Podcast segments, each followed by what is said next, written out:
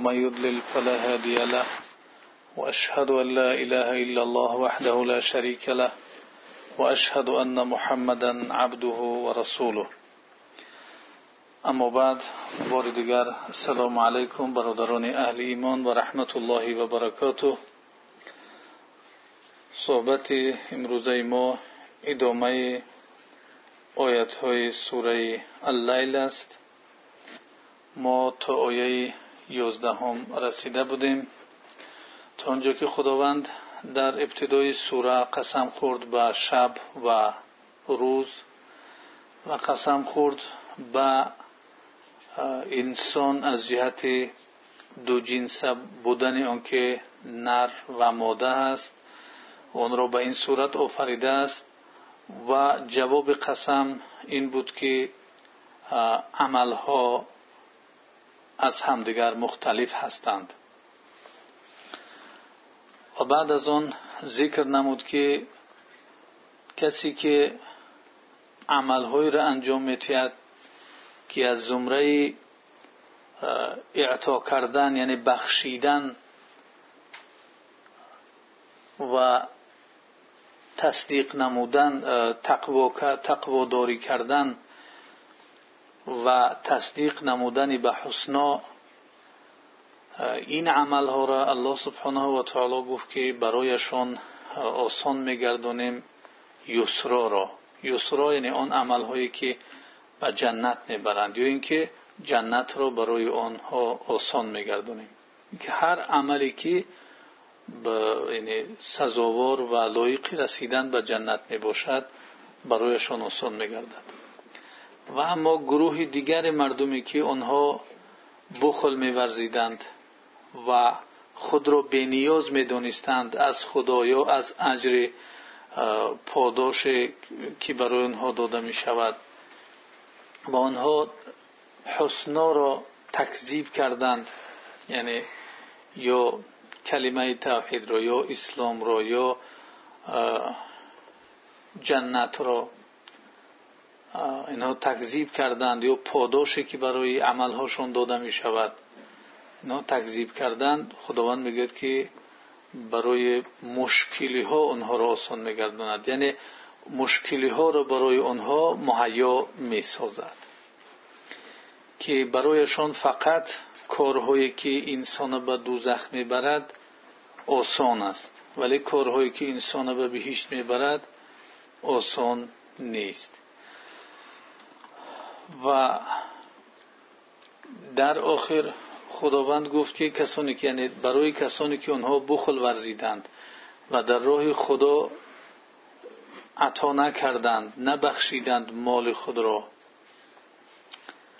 آن مالشان وقتی که آنها هلاک می‌شوند برای آنها یگان منفعت نمیرساند.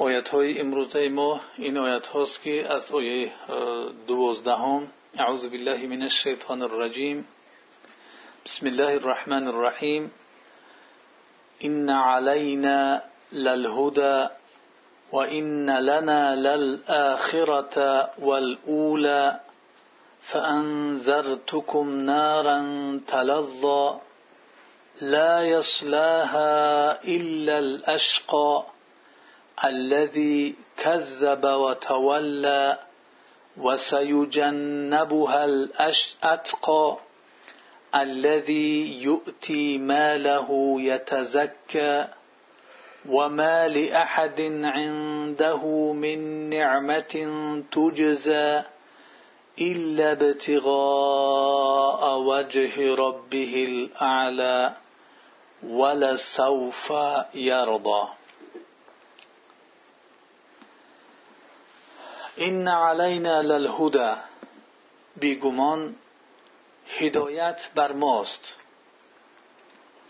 و این لنا للآخرة والأولى و بیگمان آخرت و دنیا از آن ماست فانذرتکم نارا تلظا پس شما را از آتشی که زبانه می کشد هشدار دادم بیم دادم ترساندم لا یصلاها الا الاشقا جز شقاوت پیشترین شقاوت پیشترین مردم بدبختترین مردم در آن در نیاید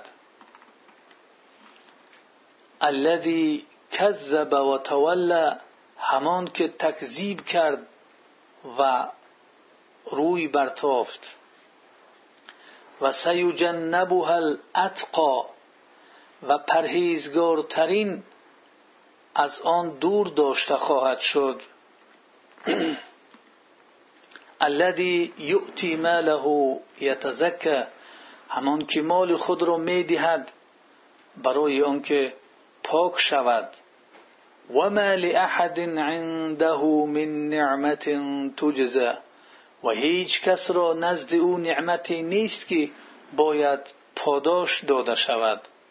الا ابتغاء وجه ربه الاعلى ولی می‌دهد به طلب خوشنودی پروردگارش که بسی برتر و عالی است. ولا سوف یردا و قطعا به زودی خوشنود می شود این بود ترجمه این آیت ها این علینا للهدى بیگمان هدایت و نمایان ساختن راه آن بر ماست. یعنی الهدا بیان کردن هدایت الله سبحانه و تعالی میفرماید که بر عهده ماست. فرا می‌گوید هر کس برای هدایت روان شد راهنمایی او بر خداست. پس هر کس خدا را بجوید او را او بر راه راست است و هر کس او را بخواهد به سویش راه مییابد. یعنی که هر کس برای هدایت روان شد. راه هدایت را دید و آن را پیشه خود گرفت و حرکت کرد.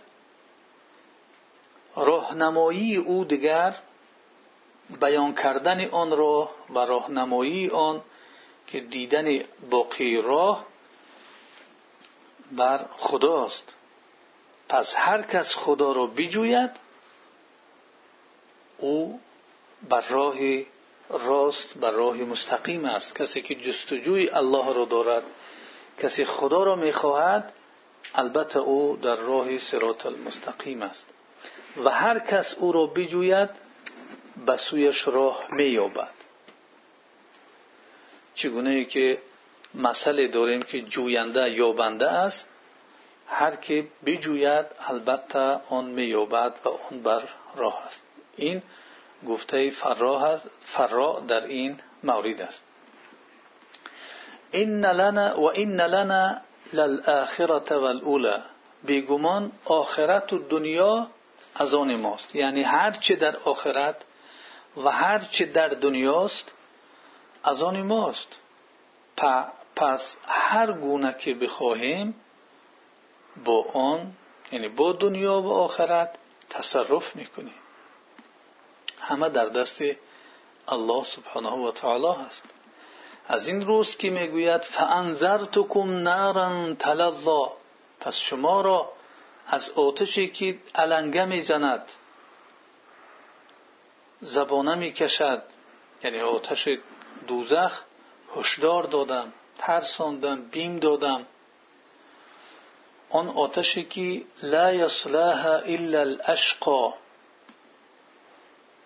یعنی جز بدبختترین مردمان در آن به طور جاویدان در نیاید. یعنی و او کافر است که جاویدان در شعله های سرکش آن می سوزد در شعله های دوزخ مانند ابو جهل و امیه ابن خلف و امثال اینها. ابن کثیر در تفسیر این آیت می‌گوید که در دوزخ جز کسی که شقاوت پیشترین است بدبختترین است. خب به در آمدنی که از تمام جوانی بر او احاطه کند.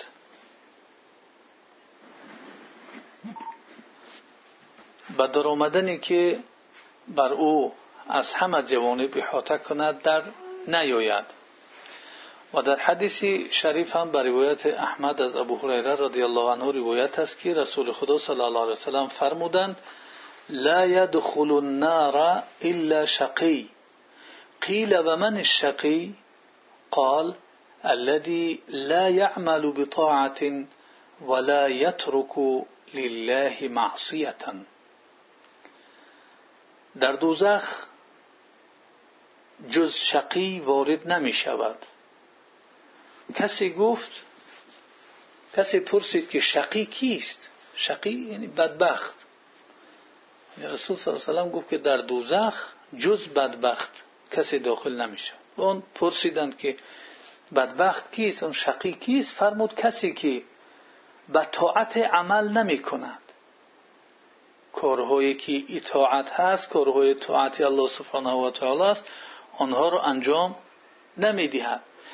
و هیچ معصیت را هم برای رضای خدا ترک نمی کند هر معصیتی را که یافت انجام میتید برای خدا آن را ترک نمی کند گفتنی است که هر یکی از اتقا و اشقا اتقا یعنی تقوادارترین پرهیزگارترین و اشقا بدبختترین دو قسم را شامل می شود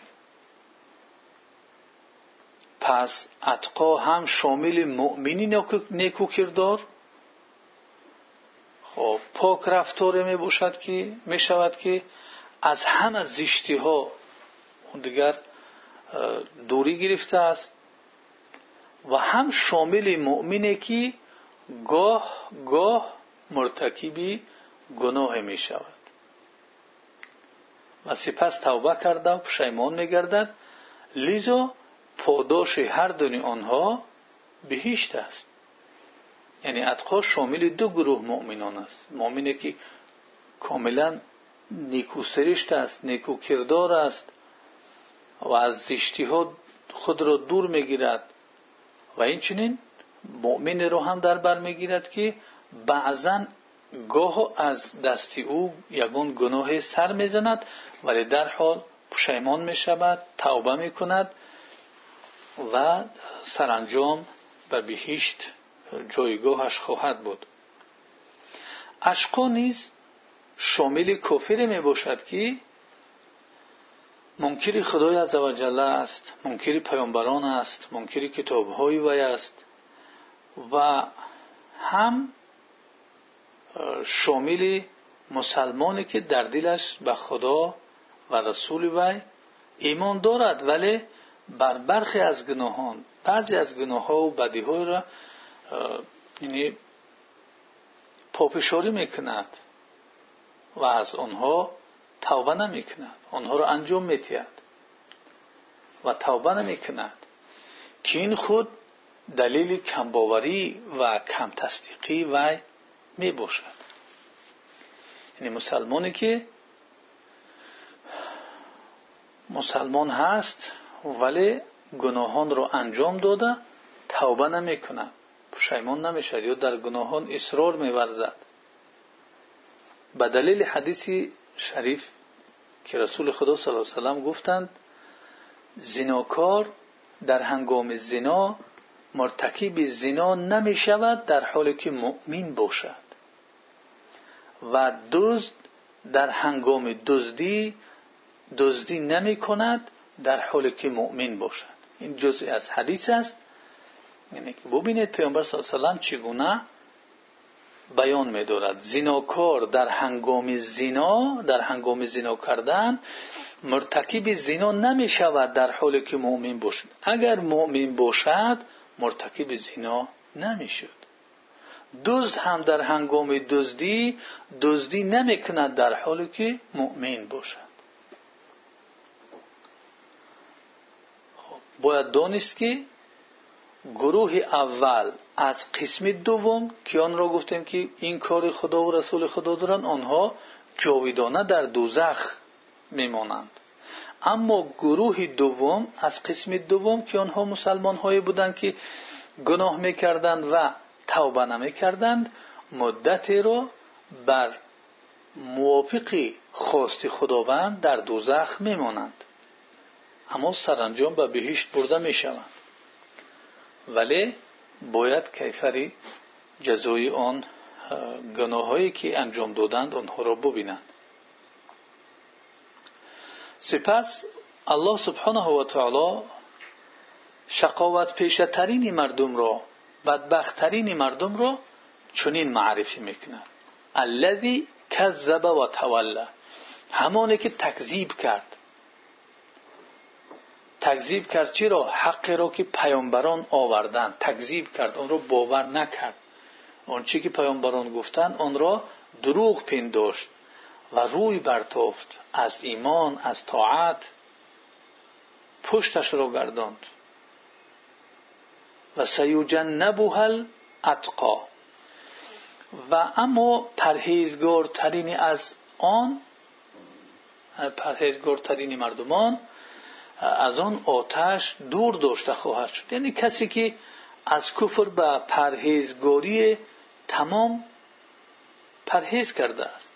از آتش دوزخ البته آن انشاءالله دور خواهد داشته شد. واحدی در بیان سبب نزول این آیت می‌گوید که اتقا به قول تمام مفسرین ابوبکر صدیق رضی الله عنه است. یعنی این آیت تا آخر سوره در شان ابوبکر صدیق نازل شده است. والله اعلم. ولی حکم آیه عام است. یعنی کسی که این گونه رفتاری را که ابوبکر صدیق رضی الله عنه انجام داد و این آیت ها معنای آن را دارند کسی که انجام بدهد البته انشاءالله با اون چیزی که خداوند وعده داده است در آیات های بعدی و آن چیزی که در اینجا میگذرد سزاوار و لایق آن خواهد بود. الذي یؤتی ماله یتزکه همان که مال خود را می‌دهد برای فقرا و آن را در راههای خیر صرف می‌کند برای آنکه پاک شود. چرا مالش را؟ الذي یؤتی ماله که مالش را می‌دهد چرا یتزکه برای آنکه پاک شود؟ یعنی او با انفاق کردن مال خود در پی چیست در پی این مقصد است که نزد خدای جل جلاله پاک کرده. پس هدفش از این نفقه کردن مال و صدقه کردن ریا و شهرت طلبی نیست.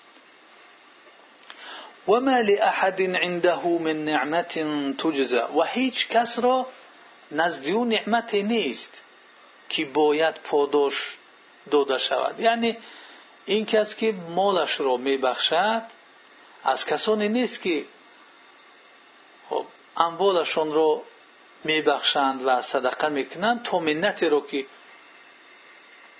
از نعمت کسی بر ذمهشون دارند پاداش و عوض دهند. یعنی گویا کسی برای آنها داده بود کدام وقت و از جهت خلاص شدن منت آنها یا اینکه در برابر آنها که چی کار خیر به این کردن این هم در عوضش بکنند برای این این کار رو انجام ندادند. فقط اینها طالب رضای خدا هستند. الا ابتغاء وجه ربه الاعلى ولی می‌دهد به طلب چی؟ یعنی به طلب و طمع خوشنودی پروردگارش که بس عالی و برتر است. نه به منظور پاداش دادن به کسی در برابر نعمت هایی که گویا در یک زمان داده باشد به او. و به خاطر منتداری منتداری وی از نعمت هایی که یک وقت به وی بخشیده بود. نه این نه برای اون نعمت های یک زمان است نه برای منت داری است بلکه ابتغاء وجه ربه الاعلى در طلب خوشنودی پروردگاری عالی مرتبه است. پس این انسان ولسوف یرضا و قطعا به زودی خوشنود می شود یعنی سوگند به ذات زلجلالم که این شخص با آنچه که به از کرامت و پاداش عظیم می‌دهم در قیامت البته خشنود خواهد شد.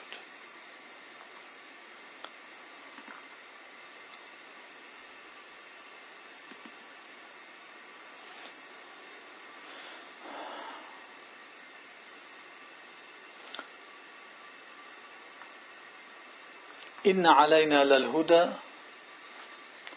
وإن لنا للآخرة والأولى.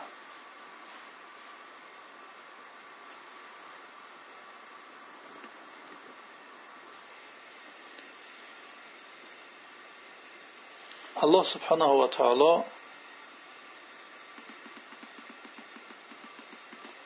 بر عهده خود گرفته که هدایت را به فطرت انسان بیان نماید. یعنی انسان فطرتا مؤمن و تسلیم خداوند تولد می شود کل مولود یولد علی الفطره. هر مولود هر کودک تولد می شود بر فطرت سالم پس پدر و مادر هستند که اون را از این فطرت سالم به یهودیت و نصرانیت و آتش پرستی میگردانند. و این چونین خداوند از روی فضل از روی رحمت بر بندگانش به عهده خود گرفته که این راه هدایت را بیان نماید. این علینا للهدى یعنی همانو بر عهده ماست هدایت. یعنی بیان کردن راه. یکی که در طبیعت انسان در فطرت انسان آن را نهاد هدایت را. دوم که از راه فرستادن رسولان و رسالت ها و این آیت ها انسان را به راه راست هدایت می‌کند و راه راست را برای او بیان می‌کند.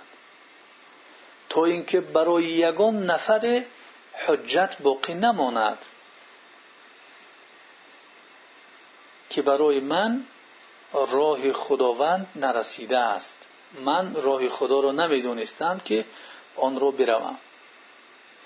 پس وقتی که الله سبحانه و تعالی راه را بیان نمود چه در فطرت انسان و چه از طریق فرستادن رسولان و رسالت ها و آیت ها دیگر برای کسی ظلم واقع نمی شود زیرا که برای آنها همه وسیله های هدایت را بیان راه حقیقت را راهی نجات را بر عهده گرفته بود و به همه وسیله ها برای انسان رسانیده بود.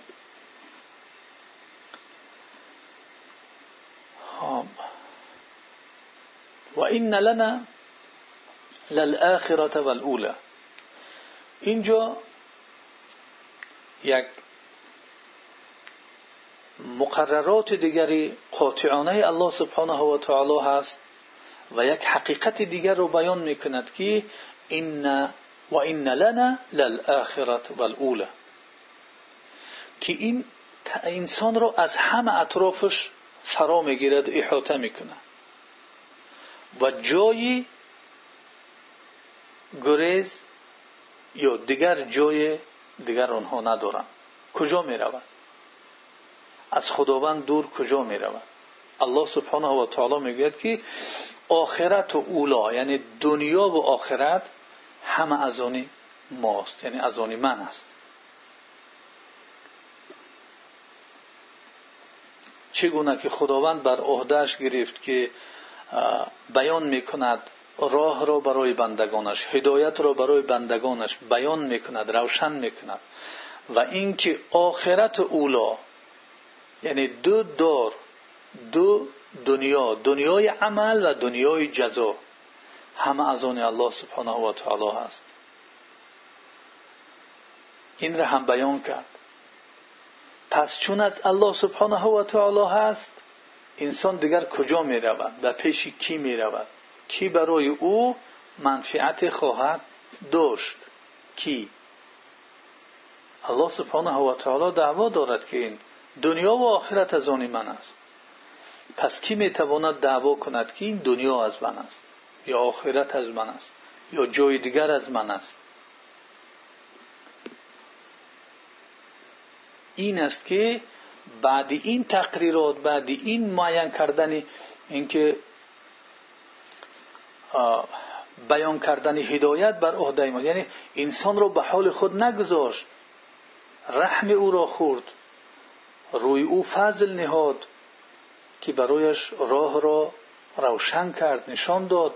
با هر وسیله هم به طریق فطرتش هم به طریق فرستادن پیامبران و به طریق فرستادن آیت ها و گفت که آخرت و دنیا همه از آن من است. بعد از آن گفت که فانذرتکم نارا تلظا. من شما رو بیم دادم. من شما رو ترساندم. من شما رو حذر کناندم از ناری که علنگدار است از آتشی که علنگش سوزان است علنگ زننده است همیشه. که این آتش است که لا یصلح الا الاشقا. آتشی است که گرمی اون را احساس نمی کند یا نمی چشد یا وارد نمی شود مگر بدبختترین بندگان.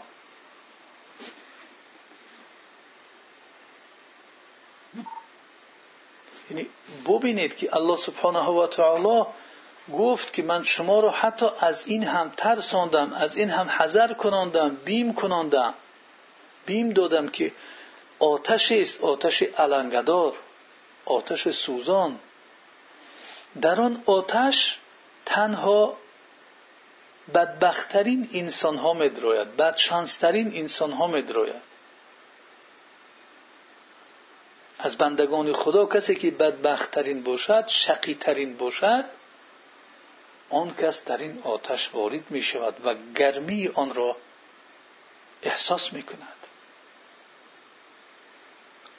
آیا از گرمی آتش یعنی احساس کردن گرمی آتش یا وارد شدن در گرمی آتش از این دیده بدبختی وجود دارد.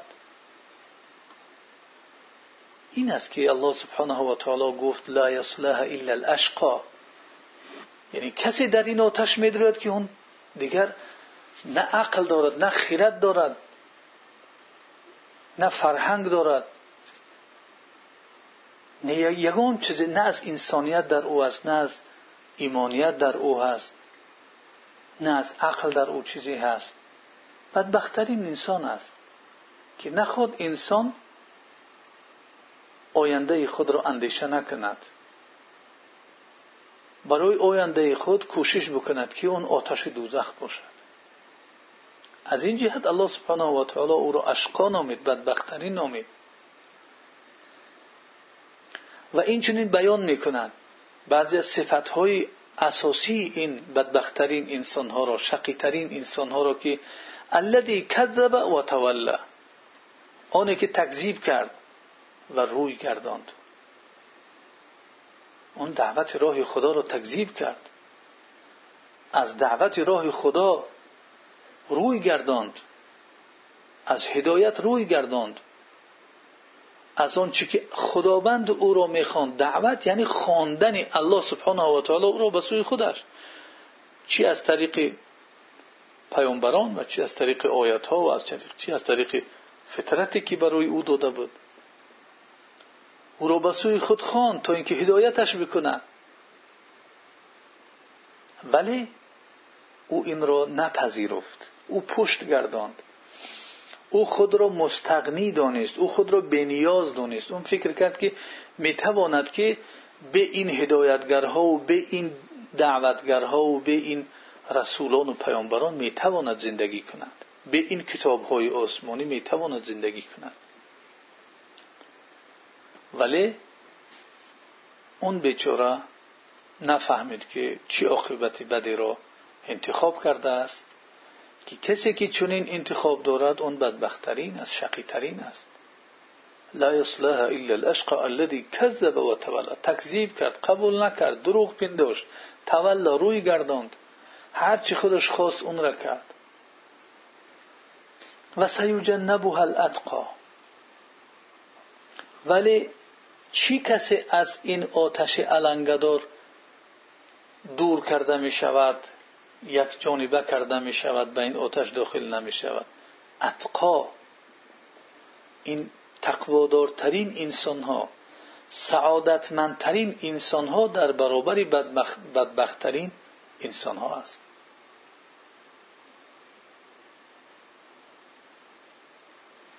چگونه که خداوند قسم خورد به شب و روز که آنها از همدیگر فرق می‌کنند. چگونه که قسم خورد به آفرینش نر و ماده که آنها از هم فرق می‌کنند.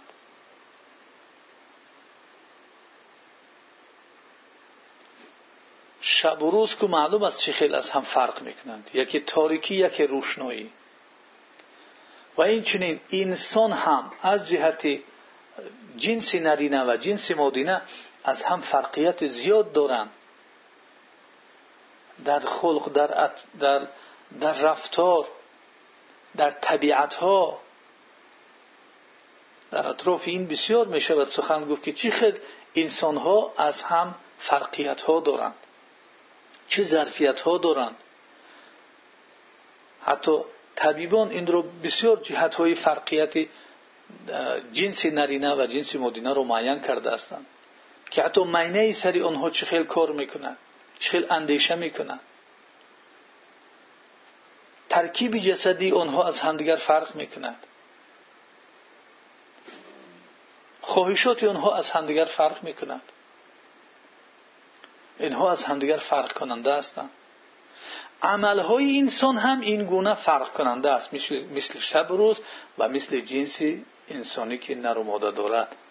عملهای انسان ها هم فرق می‌کنند. ببینید که اون فرق عملها آورد انسان رو به کجا؟ به اشقا و اتقا تقسیم کرد. یک گروه به سبب عملهایشان از جمله اشقا میشن یعنی بدبختترین ها و گروه دیگری از جمله اتقا یعنی سعادتمندترین ها تقوادارترین ها تقوادار و پرهیزگارترین ها و این کسی که تقوادارترین است الذی یؤتی ماله یتزکه مالش را نفقه می‌کند. چرا؟ تا به سبب این نفقه کردنش خود را پاک کند. نه برای ریاکاری نه برای بالا گرفتن خود را از دیگران. اختیارا از پیش خود تطوعا اون را نفقه می‌کند. نه برای نیکی یک کس را گردانیدن نه برای منتداری کردن به کسی. و نه برای اون که او را شکر بگن تشکر رحمت بگن نه برای این نمی‌کنند تنها خالص برای رضاگی الله سبحانه و تعالی می‌کند آن ربی که آن پروردگارش اعلا هست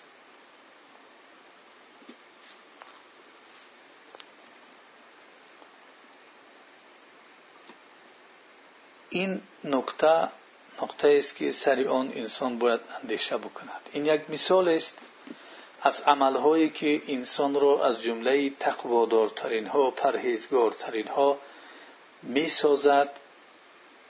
از جمله سعادتمندترین انسان ها می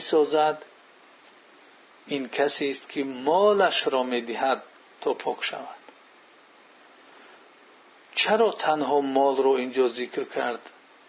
مال نماز ذکر نشد روزه ذکر نشد حج ذکر نشد. دیگر دیگر عملها ذکر نشد. تنها اینجا دادن مال ذکر شد. اندیشه بکنید که امروز چگونه مردم به سبب مال به خداوند فرمانی ها می‌کنند از طریق دزدی از طریق رشوه از طریق ربا. زندگی مردم حیات مردم در اساس خرید و فروش و مال داشتن است. و این مال از کجا پیدا می شود؟ مال از کجا پیدا می شود؟ یا از راه حلال یا از راه حرام؟ راهی میانه وجود ندارد. راه حلال است و راه حرام. راهی است که انسان را تقوادارترین و راهی است که انسان را بدبختترین و شقیترین میگرداند. مال دارایی انسان را از جمله سعادتمندترین ها می سازد الله سبحانه و تعالی در موردی مدح و ستایش تعریف کردن این عمل را ذکر کرد. و در بسیار جای قرآن هم آمده است و می‌توان به طریق مثال ذکر کرد. اونجایی که الله سبحانه و تعالی در سوره بقره میفرماید آن متقیان را که این قرآن برای آنها هدایت است الذين يؤمنون بالغیب و یقیمون الصلاة و مما رزقناهم ينفقون از آنچه ما به آنها رزق دادیم روزی دادیم آنها نفقه می‌کنند. و مثل آیت های زیادی است. پس نفقه کردن خیر کردن از جمله اعمال خوب از جمله عملهای در نزد خداوند بسیار یعنی درجه بلند داشته به حساب می رود خداوند این عمل را دوست می دارد از این جهت ببینید در سوره بقره این را ذکر کرد و در بسیار سوره های دیگر هم آمده است که از آن جمله در این سوره آمد فاما من اعطا و تقا و صدق بالحسن فسنیسره للیسرا کسی که می‌دهد نفقه می‌کند اول شروع کرد. و اما من بخیل باز وقتی که ذکر کرد برای کسانی که اونها را به مشکلی ها مهیا کرده است بخیله بخیلی برزیده است. یکی با سبب مال خداوند برای آسان می‌کند دیگری رو هم به سبب مال. یکی مال را داد خداوند برای او آسانی کرد. یکی بخیلی کرد و نداد و او را خداوند با راه وزنینی مهیا کرد. راه های وزنین راه, راه دوزخ را. و اینجا هم که باشد را وقتی که ذکر می‌کند که از آتش دوزخ آن یکسو شده است میگد الذی یؤتی ماله یتزکه مال را می‌دهد پاک می‌شود بعضی انسان ها گمان می‌کنند که از طریق مال گرفتن خود را پاک می‌کنند پس معلوم می‌شود که وقتی انسان مال داشته باشد اگر آن مال مال حلال نباشد یا اینکه مال حلال دارد ولی حق آن را ادا نمی کند تزکیه نمییابد پاک نمی شود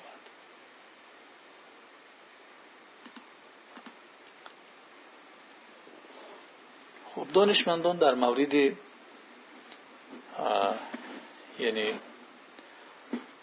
جوادی و سخاوتمندی و بخل ورزیدن ذکر کردند که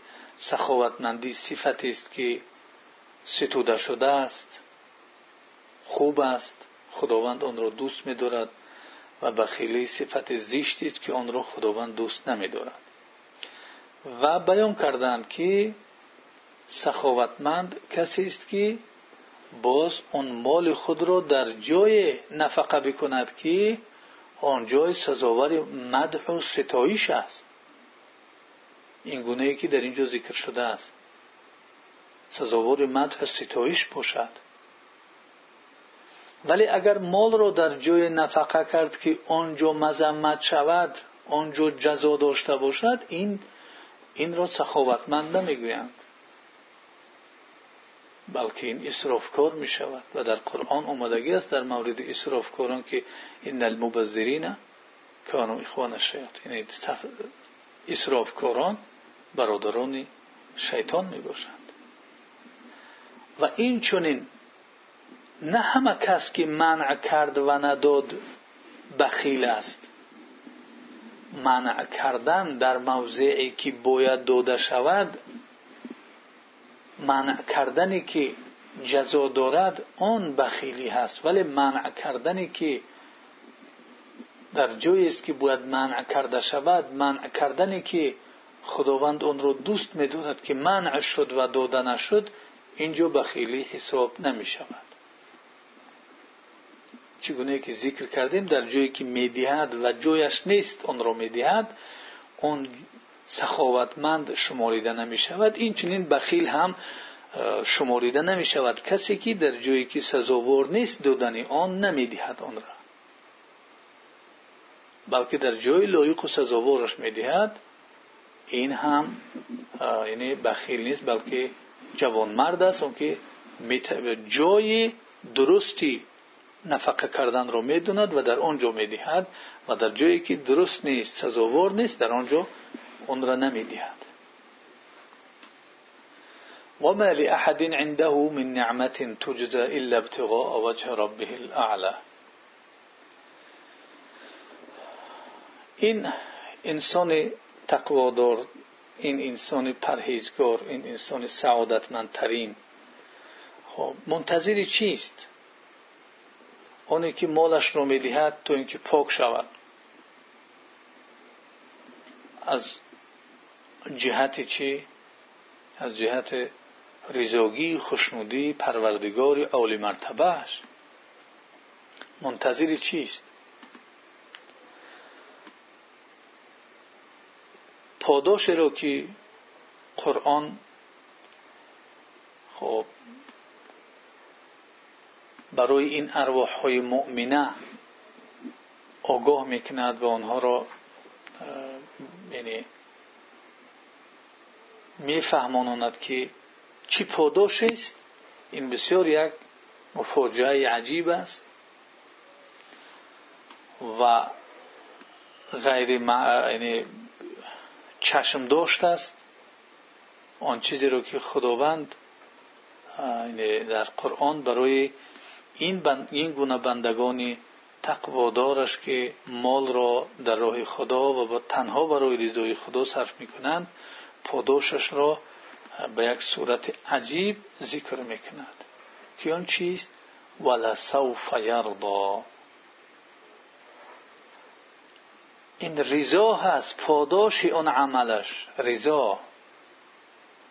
رضایی که در قلب این تقوادارترین انسان جای می‌گیرد روح انسان را جای می‌گیرد میپوشاند.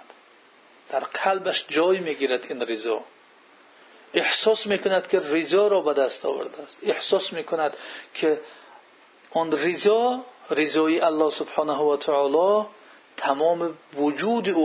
او را پوشانیده است.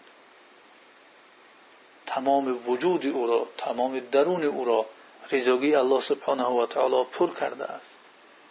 پوشانیده است پیچانیده است. رضایی است که در تمام وجود و هستی انسان وجود دارد. و حیات او را بسیار تر و تازه بسیار خوش می‌کند. این بهترین پاداش است. رضاگی الله. با چی خرید این رضاگی را؟ از کجا آورد این مال را؟ آیا همه اینها از الله سبحانه و تعالی نبود؟ ولی این انسان سعادتمندترین انسان ها بود. این انسان انسان باخرت بود. که با آن مالی که خدا برای او از راه حلال داده بود باز توانست که رضای الله سبحانه و تعالی را هم با همون مالش بخرد. این بهترین و بزرگترین نعمت است. ولسوف یرضا که این انسان خودش هم راضی می شود به دینش راضی می شود به پروردگارش راضی می شود به تقدیرش راضی می شود به نصیبش راضی می شود راضی می شود به آنچه که در فراخ دستی می در تنگ دستی برای او می رسد در حالت ثروتمندی و در حالت فقر در همه حالت در حالت آسانی و سختی در همه حالت ها او راضی هست. راضی می باشد از پروردگارش از دینش از همه این حالت ها اون در حالت استراب نمی افتد در حالت تنگی نمی افتد تنگ دل نمی شود شتاب زده نمی شود اون مشکلی یا که وزنینی که سری او میآید اون را وزنی نمیشمارد. و این چونین مقصد را دور نمی‌داند. این رضا که در قلب او آمد و او دیگر از دین و از آیین و از پروردگار و از تقدیر و از همه اینها راضی است از اون حیاتی که خدا برای او نصیب گردانده است از اون راضی هست. این پاداش است که بزرگتر از همه پاداش هاست. پاداش است که مستحقی کسی است که اون نفس و مالش را میبخشد. میبخشد تا اینکه پاک شود. آن جان او آن روح او آن او. این را میبخشد برای خالصانه برای پروردگار عالی مرتبه است این پاداش است که جز الله سبحانه و تعالی کسی او را برایش داده نمی‌تواند. و کسی این گونه نعمت را در قلب او جای کرده نمی‌تواند.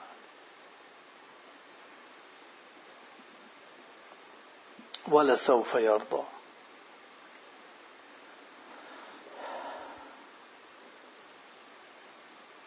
در حقیقت اون ارزش را اون نرخ را داد بخشید و عطا کرد.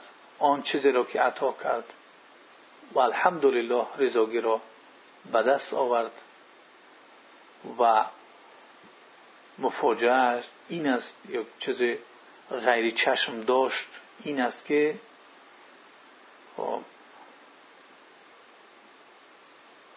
البته او به زودی راضی خواهد شد. راضی هم در این دنیایش که راضی هست چگونه ذکر کردیم و هم در آخرت الله سبحانه و تعالی وعده داد که او راضی می شود و این نعمت است بالاتر از همه نعمت ها و برای درک این نعمت لازم است انسان معرفت حقیقت ها را در قلبش داشته باشد. حقیقت دنیا و حقیقت آخرت حقیقت مال و منال حقیقت انسان چه حقیقت دارد.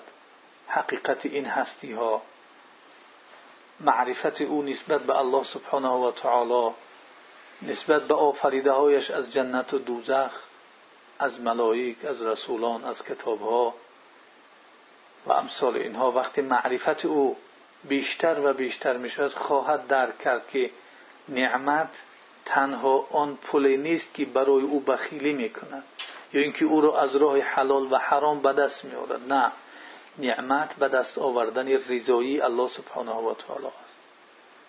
بعضی انسان ها گمان می‌کنند که تنها با راه به دست آوردن مال خوشبخت می‌شوند و اینجا ما دیدیم که برای خوشبخت شدن دادن آن لازم است. بله برای دادن لازم است که اول او به دست بیاید. ولی تنها به دست آمدن آن انسان را خوشبخت نمی کرده است. اینجا که الله سبحانه و تعالی ببینید که چگونه ذکر کرد الذي یؤتی ماله یتزکر. و سیجنبه الاتقى الذي یؤتی ماله یتزکر. خداوند همه ما و شما را موفق و معید بگرداند که این معرفت هایی را که الله سبحانه و تعالی این حقیقت هایی را که خداوند برای ما بیان داشته است از طریق بهترین مخلوقاتش. طریق پیامبر صلی الله علیه وسلم جبریل علیه السلام از طریق بندگان صالحش که تا امروز برای ما آمده رسیدند این بیانها در قلب ما جای بگیرد و ما بتوانیم آنها را درک کنیم نعمتهای حقیقی را درک بکنیم راهی پاک شدن را درک بکنیم راهی بدبخت شدن را بدانیم و از آن دور باشیم. و خداوند ما را از جمله اتقا بگرداند و پناه بدارد که از جمله اشقیا بگردیم. پروردگارا تو قادر هستی و ما خواهان آن هستیم که رضاگی تو را به دست بیاریم و از جمله کسان ما را بگردان که آنها اتقا هستند آنها کسانی هستند که یؤتی ماله یتزکه و ما لأحد عنده من نعمت تجزى الا ابتغاء وجه ربه الاعلى پروردگار در این زمره ما را هم شامل بگردانی. صلی الله تعالی علی خیر خلق محمد و و اصحاب اجمعین و جزاکم الله خیرا. اگر یگان سوال در این مورد باشد مرحمت بفرمایید